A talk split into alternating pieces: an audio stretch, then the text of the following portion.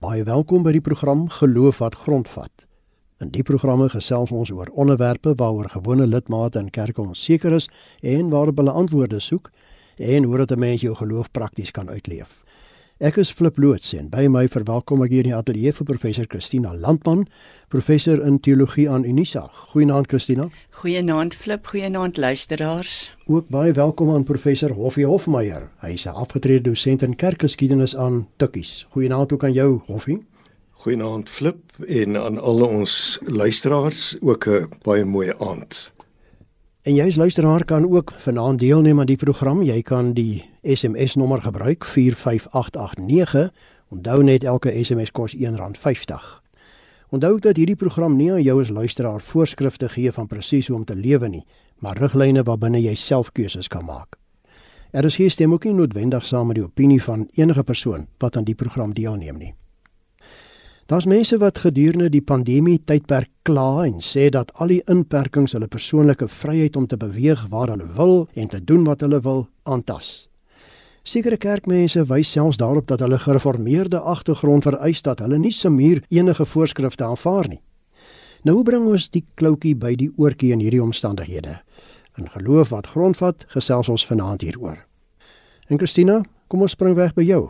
Wat leer die Bybel ons oor persoonlike vryheid? Sjoe flip, ja, dis nou 'n moeilike vraag om sommer so in een sin te antwoord.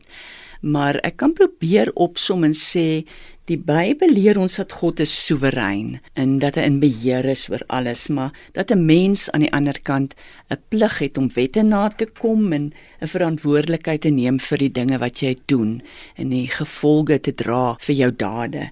Die vraag is dan nou maar altyd 'n vraag wat ons nog nooit heeltemal kon beantwoord nie. As God dan in beheer is van alles, as God vooruit beplan ons lewe, watse vrye wil het ons dan nou om ons eie besluite te neem en so deur die loop van die eeue het gereformeerde mense klem gelê op die uitverkiesing. Luterane het byvoorbeeld nou meer klem gelê op die vrye wil. Maar nou moet ons onthou dat God het ook nog mens geword. Jesus het vir ons nou twee dinge kom leer. Een is God is goed, God is aan ons kant, hy is soveel aan ons kant dat hy sy seun vir ons gestuur het. En die tweede ding is dat Jesus het nie vir ons nuwe wette gebring nie. Hy juis vir ons die wysheid gebring hoe om met moeilike situasies om te gaan, hoe om wette in moeilike situasies na te kom of nie na te kom nie. En Jesus het nooit 'n mense vrye wil ondermyn nie. Inteendeel, hy het juis mense uitgenooi om vir die Messias, vir die koninkryk van God te kies. Ons onthou die vyf wyse maagde wat alhoewel hulle eintlik in die samelewing baie min mag gehad het en baie min vrye wil in sy gelykenis gee Jesus vir hulle die vrye wil om vir die koninkryk van God te kies. Nou maar waar ons nou vandag praat is eintlik die gehoorsaamheid aan die staat en hulle COVID-19 reëlings. Wat se vrye wil het ons as Christene nou om ons staan te steur want dit gaan dan juist daaroor dat kerke aan bande gelê word en ruk gesluit is kan ons nou nog ons vrye keuse uitoefen? Wat is ons vryheid nou in die verband? Hoffie, jy's betrokke by 'n werkboek Kerk, COVID en die toekoms wat aan die vier Afrikaanse gereformeerde kerke gegee word. Dis nou die NG Kerk, die Hervormde Kerk, die Gereformeerde Kerk en dan ook die Verenigde Gereformeerde Kerk. En die doel daarmee is om te beplan vir die toekoms. Hoe sien jy mense se reaksie op die huidige omstandighede in terme van hulle persoonlike vryheid? Flip, dis baie lekker dat ons vandag 'n uh, bietjie gesels oor hierdie baie belangrike saak want dit raak nie net ons self persoonlik nie, maar dit raak ook die kerk, dit raak ook ons samelewingssituasie en ons verantwoordelikheid binne die samelewing. Ons is inderdaad betrokke by 'n werksboek wat basies eintlik gratis beskikbaar is via Christelike Lektuurfonds en daar probeer ons so bietjie nadink oor die toekoms Ek kan volstaan deur baie sterk aan te sluit by dit wat Christina vanuit 'n Bybelse perspektief gesê het deur baie sterk klem te lê op die feit van die individu se verantwoordelikheid en daarmee saam uiteindelik die vryheid of omgekeerd die vryheid van die individu tesame met verantwoordelikheid. En die kern eintlik daar is dat dit die hele gehoorsaamheidsbeginsel is soos dit in die skrif na vore kom. dat God roep ons as gebroke mense en uiteindelik as ons dan ook antwoord daarop dan beteken dit ook inderdaad 'n pad van dankbaarheid, 'n pad van gehoorsaamheid, 'n pad van verantwoordelikheid.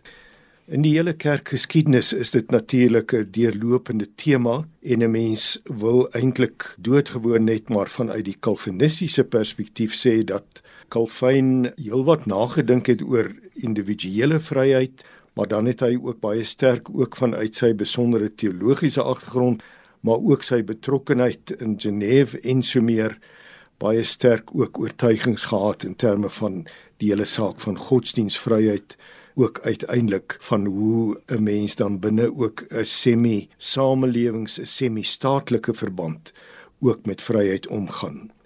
Dis uiteindelik 'n kwessie van dat 'n mens doodgewoon net besef wêreldwyd sit ons te midde van Vryheidsdag wat naby is te midde van die feit dat ons worstel met COVID wat nog baie lank waarskynlik ook met ons gaan wees rondom die hele stadige proses van inentings en so meer en selfs moontlike verdere epidemies is dit 'n kwessie van in Europa en die FSA word baie oor hierdie dinge geworstel.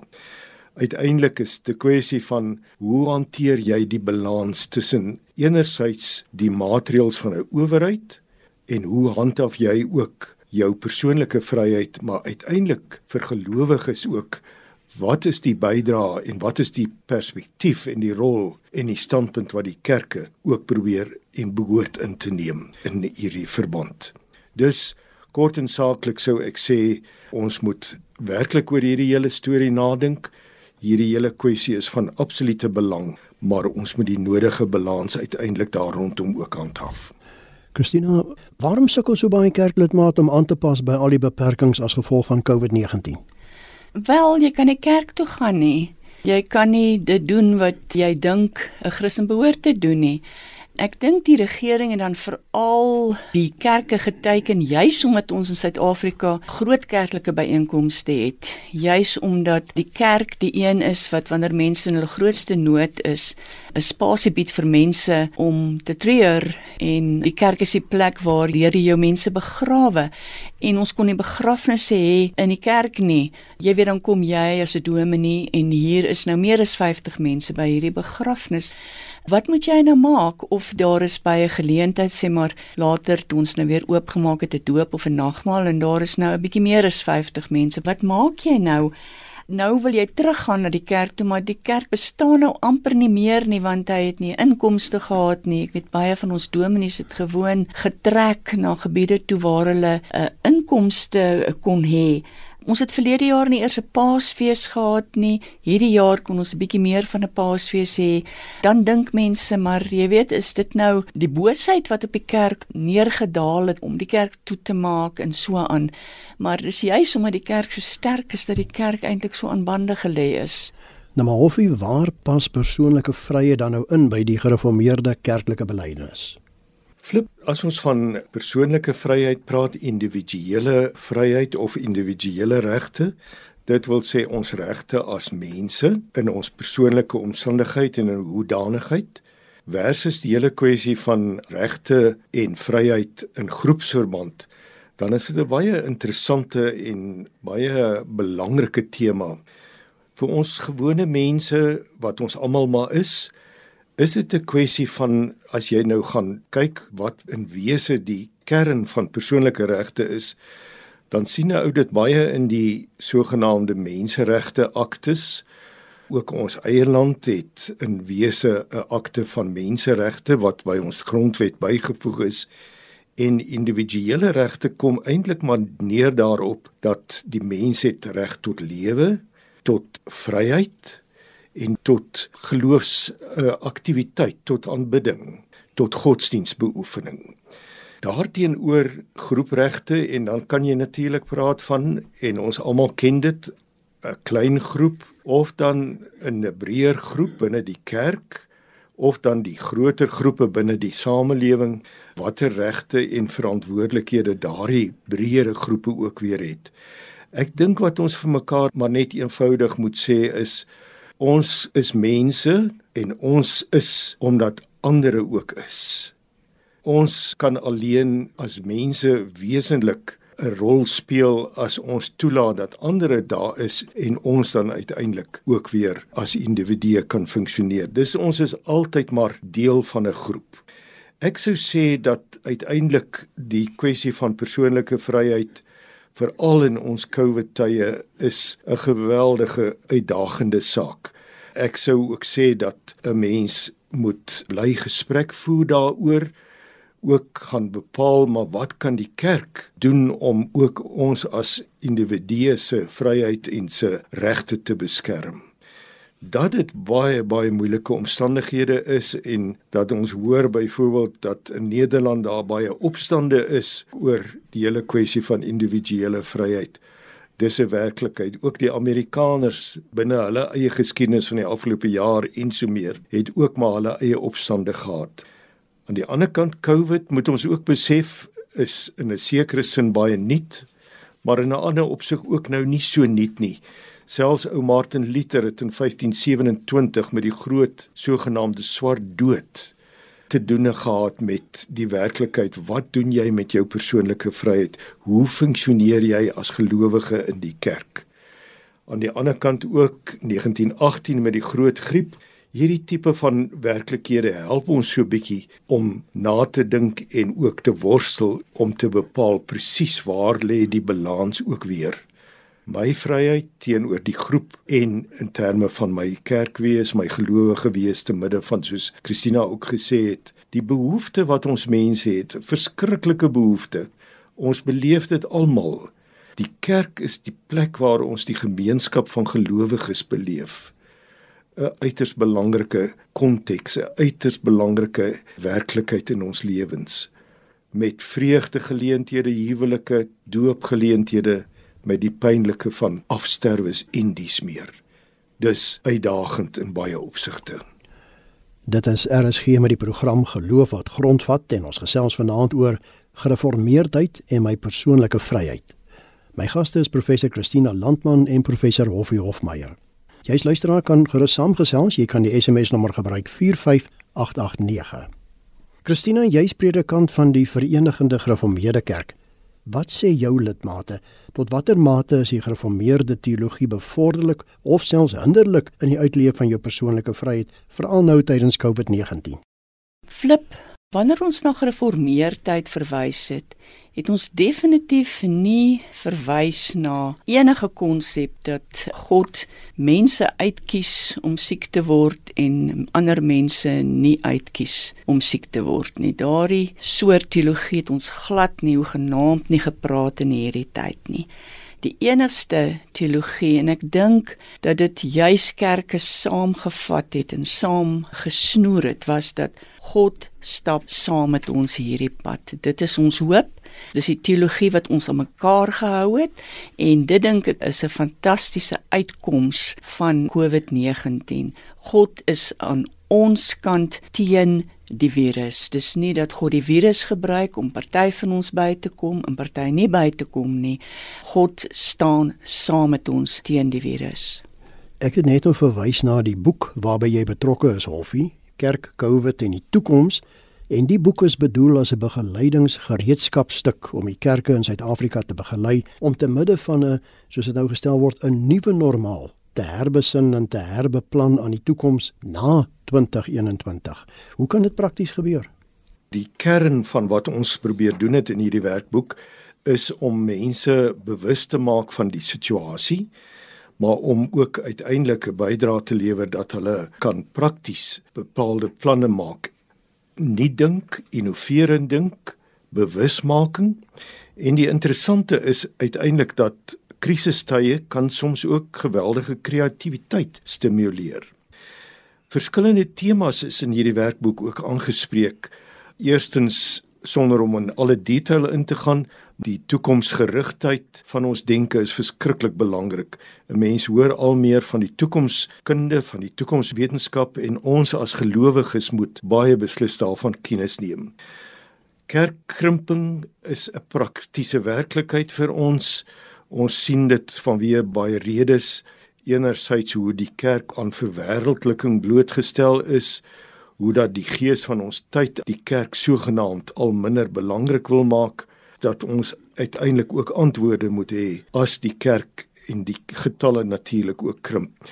Natuurlik is dit ook 'n werklikheid rondom COVID dat ons dit ook so beleef dat die kerk se bywoningssyfers geweldig gedaal het.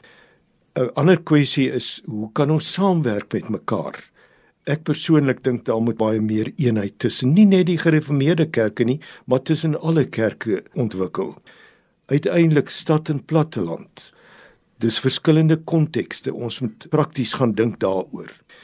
Ek wil ook baie sterk beklemtoon by ons luisteraars dat ons moet baie versigtig ook wees om te midde van COVID en te midde van persoonlike vryheid en die verantwoordelikheid teenoor die kerk en teenoor die owerheid en in ons gehoorsaamheid aan owerheidsmaatreëls wel baie sterk ook waak daarteen om nie 'n Z of 'n P kerk te word nie. Wat bedoel ek daarmee? Ons kan nie maar net 'n Zoom kerk word nie. Trouwens, ons mense raak uiteindelik ook geweldig Zoom foos en Zoom sat en Zoom moeg. Aan die ander kant kan ons ook nie 'n P kerk word nie. Dit wil sê 'n private kerkie ons sit lekker in ons sitkamer of soms in ons slaapkamer en ons dit ook weg as ons luister na die kerkdiens op ons selfone wat ook al. Ons moet weer inderdaad 'n G-kerk word gemeenskap van gelowiges. En dan kan ons verder nog baie dinge sê in terme van hoe lyk die toekoms van kerkdienste. Ek dink dit gaan 'n gemengde vorm word. Ek dink in terme van gemeenskapsaktiwiteite ons sal daar baie nuut moet dink. Hoe kan ons waarskynlik binne en vanuit klein groepe, maar wat miskien in die kerk bymekaar kom, maar in klein kringetjies 'n bepaalde gemeenskap belewe. Finansies van die kerk. Die krisis is groot. Ons moet geen illusie hê nie. Mense het ook werk verloor en uiteindelik ook net 'n kwessie van hoe ons ons kerklike eiendom en ons geboue ook vorentoe gaan benut. Dit wil sê ons sal baie vars, fris en ook nuut moet dink. En ek daag ons gelowiges ook uit. Kom ons doen dit. Die kerk is kreatief. Maar Christina nou terug by gereformeerdheid en my persoonlike vryheid. Hoe moet ons mense hanteer wat beweer dat hulle persoonlike vryheid aangetast word deur die wetgewing en die riglyne? Wette is tog ook iets goeds nie waar nie. Dit skep orde en staan dit teenoor my persoonlike vryheidskeuses. Ek gaan kort weer verwys na wat Hoffie net nou gesê het van Martin Luther. In Martin Luther se tyd is daar ook 'n plaag en sy wyse raad was dat mense nie in hierdie tyd besluite kan neem net volgens hulle eie keuses nie. Hulle kan nie net self besluit hierdie reëls gaan ek nakom, hierdie reëls gaan ek nie nakom nie. Elke besluit wat jy persoonlik neem, moet jou naaste se gesondheid insluit. En ek dink dis die wysste raad wat ek nog gehoor het en wat ons by moet bly. Jy het nie die persoonlike vryheid om 'n besluit te neem wat net jouself raak nie. Elke besluit sluit die hele samelewing in. Maar Christina, hoe kan die gereformeerde kerke en individue wat hulle persoonlike vryheid wil handhaaf sonder allerlei reëls aan hande vat of kan dit glad nie? Ja, kerke is nou nie bekend daarvoor dit laande vat nie, maar dit het inderdaad gebeur in die afgelope tyd. Net om 'n voorbeeld te noem, al is dit nou 'n bietjie 'n morbiede voorbeeld. Ons het party daar tot 4 begrafnisse op 'n dag gehad. En jy weet, ons lidmate gaan baie keer ook spontaan na ander kerke toe. En ons het gewoon met hierdie onafhanklike kerke saamgewerk en party keer het ja, ek die begrafnis gedoen. Ander kere het 'n pastoor die begrafnis gedoen van iemand wat tog wel 'n lidmaat van ons kerk ook is en ons het daardie begrafnisse onder mekaar verdeel want dit is onmoontlik vir een mens om vier begrafnisse op 'n dag te doen en dat ons ook die pastorale versorging soveel as wat ons maar kon doen. Jy weet die dienste vooraf by die huis, dis baie ingeperk. Daar was geen afterteers nie, maar ons het probeer om hierdie mense pastoraal te bearbei en te versorg. Miskien 'n vroliker een is ons het toe 'n paar kerke van ons het besluit ons gaan nou 'n potjie kos kompetisie uitskrywe. Laat ons tog ook net aan iets anders se slag kan dink, maar Covid het eintlik daai mure tussen ons afgebreek in 'n groot mate. Kollegas, ons moet begin saamvat. Christina, terwyl jy nie woord is, hoe sal jy jou lidmate adviseer met betrekking tot die inperkingsmaatreëls en hulle persoonlike vryheid? Wel ons synode het ons geadviseer en ons het by daai advies gebly om die COVID-19 maatreëls te volg. Gewoon omdat so baie van ons mense het werklik siek geword. Die hospitaal kon nie almal hanteer nie en daar baie mense gesterf en ons het net geweet dat ons as kerk 'n besluit moet neem om mekaar te versorg sonder dat ons eh, fisies naby mekaar kan kom, maar ons het gebly by die COVID-19 maatreëls wat deur die regering ingestel is gewoon omdat ons gedink het ons het 'n keuse geneem dat dit goeie maatreëls was wat ons gesond kan hou. Nou of u vat vir ons saam. Het die gereformeerde kerke nog bestaansreg te midde van die pandemie tydperk en waar pas mense se persoonlike vryheid in tussen aan die een kant pandemie beperkings en aan die ander kant kerklike of gereformeerde beperkings en riglyne? Flip in die eerste plek is die gereformeerde kerke 'n deel van 'n tradisie wat praat van altyd weer reformeer. Dit wil sê ons moet altyd weer vernuwe. Ons moet altyd weer herondersoek en selfondersoek doen. En dit maak die toekoms eintlik vreeslik oop. En dit maak my ook dan baie opgewonde. Tweedens wil ek aansluit by Christina wat gesê het die hele kwessie van samewerking. Ons is wel deel van miskien 'n bepaalde tradisie. Maak nou nie saak watter tradisie nie, maar ek dink dit is verskriklik belangrik dat ons mekaar se hande moet vat, dat ons uiteindelik saam moet staan en saam ook hierdie uitdagings hanteer.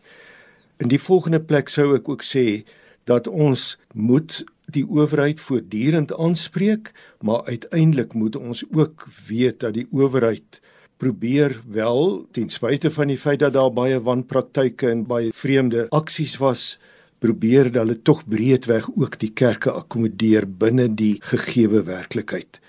Uiteindelik dink ek ten slotte wil ek ook maar net sê ons is draers van hoop.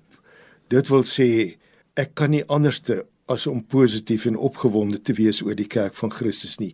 Persoonlik dink ek die kerk van Jesus Christus het miskien nie gekwyn in COVID nie, maar juis ook gegroei, nader gekom aan dit wat hy in wese moet wees, naamlik kerk van die Here Jesus Christus.